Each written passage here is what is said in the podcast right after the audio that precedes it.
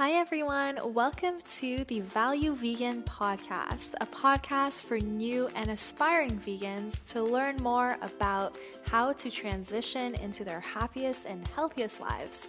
I'm your host, Nika. I'm a vegan blogger and educator, and I'm here to give you the top tips and advice on transitioning to a vegan lifestyle while featuring awesome vegan guests. So let's get right into it. Hi, everyone. Welcome to another episode of the Value Vegan Podcast. My name is Nika Moini. Thank you so much for being here. What I do is I help new and aspiring vegans easily transition to their healthiest, happiest lives. And today we are talking all about finding support as a vegan. How can we actually be supported by our family and friends? And if we aren't, then how can we actually um, you know, deal with that? And, and how can we find the support that we do need in order to stay happy as a vegan? So, so before we get into it, let's let's give a shout out to our sponsor for this episode, Shaklee. And what Shaklee does is they provide nutritional supplements. Um, they have a variety of different vegan nutritional supplements made from whole plant-based foods, things like greens and spirulina, and they also have protein supplements as well. If you would like to add those to your smoothies and just you know just enjoy that. So we're really thankful to them for sponsoring this episode. So if you want to check them out, make sure to check the link in the description of this podcast to get some more information.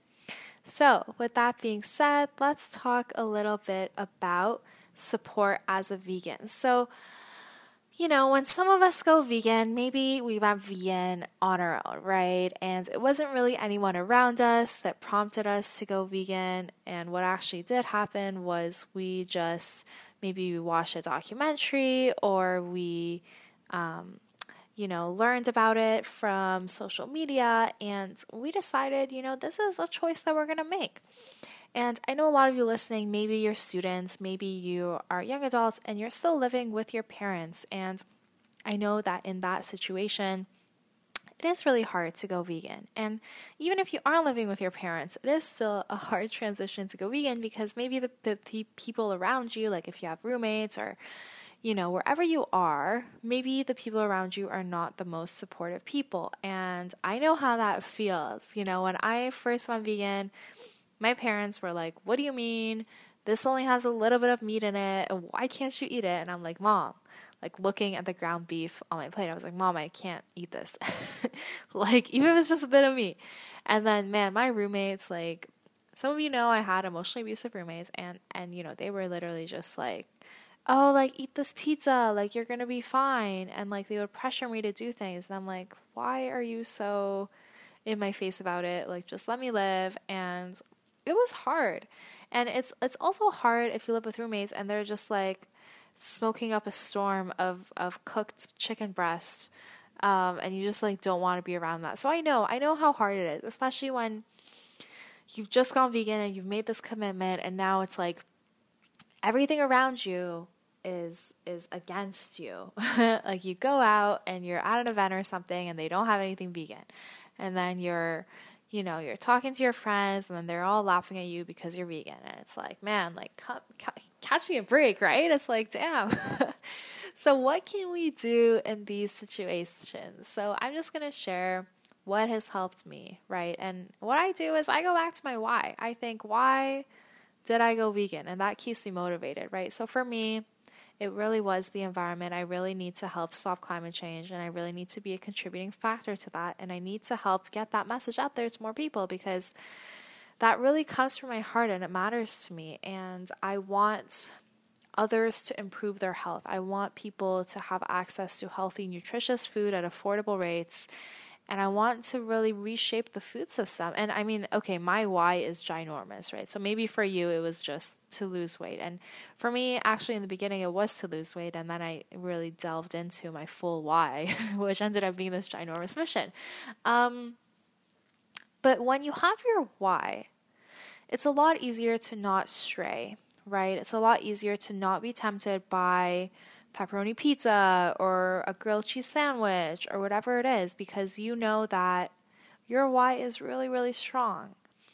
And when your why is so strong, you can be really passionate when you talk about it. So I really recommend the first thing you do is to clarify what is your why, what is your reason for doing this?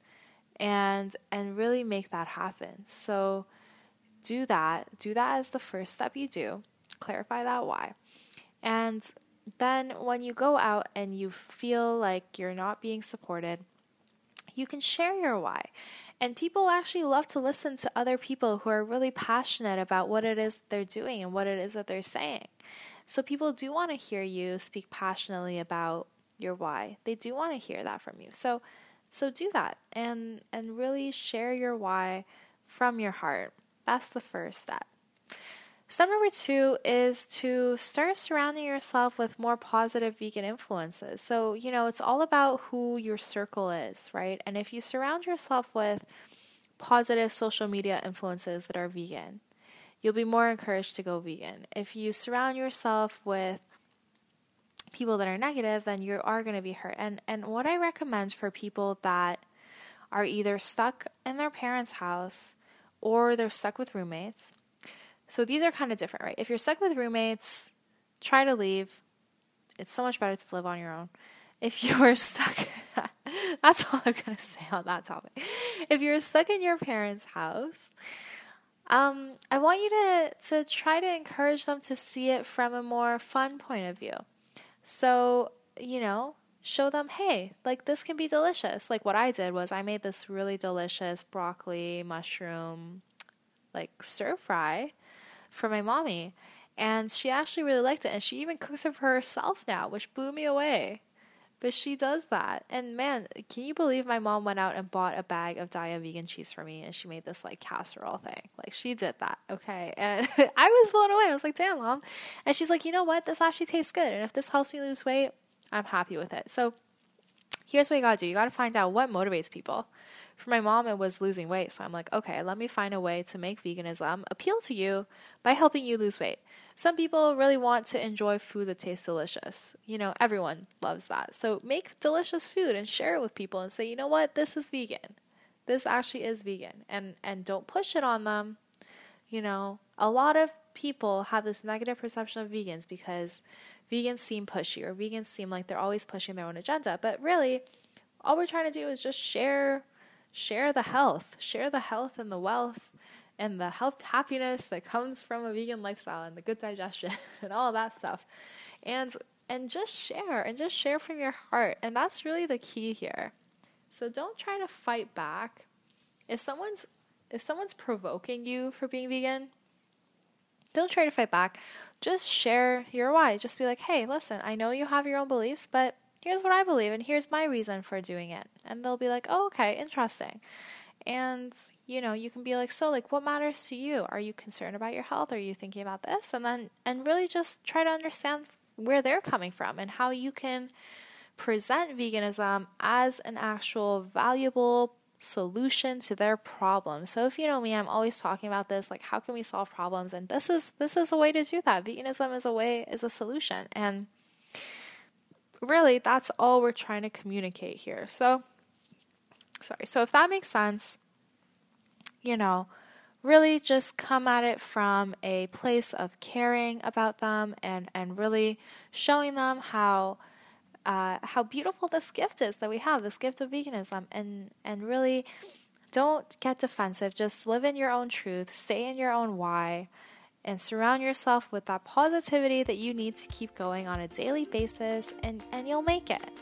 And you'll find that even maybe some of the most intense carnivores will come to see it a little bit differently. So that's what I wanted to share with you all today. I love you guys. Thank you for listening. If you enjoyed this, please leave us a review on iTunes and take a screenshot and post it on your Instagram story so we can get this podcast out there helping people and just providing value to people. So I love you guys and thanks so much for listening. And I'll talk to you guys next time. Bye.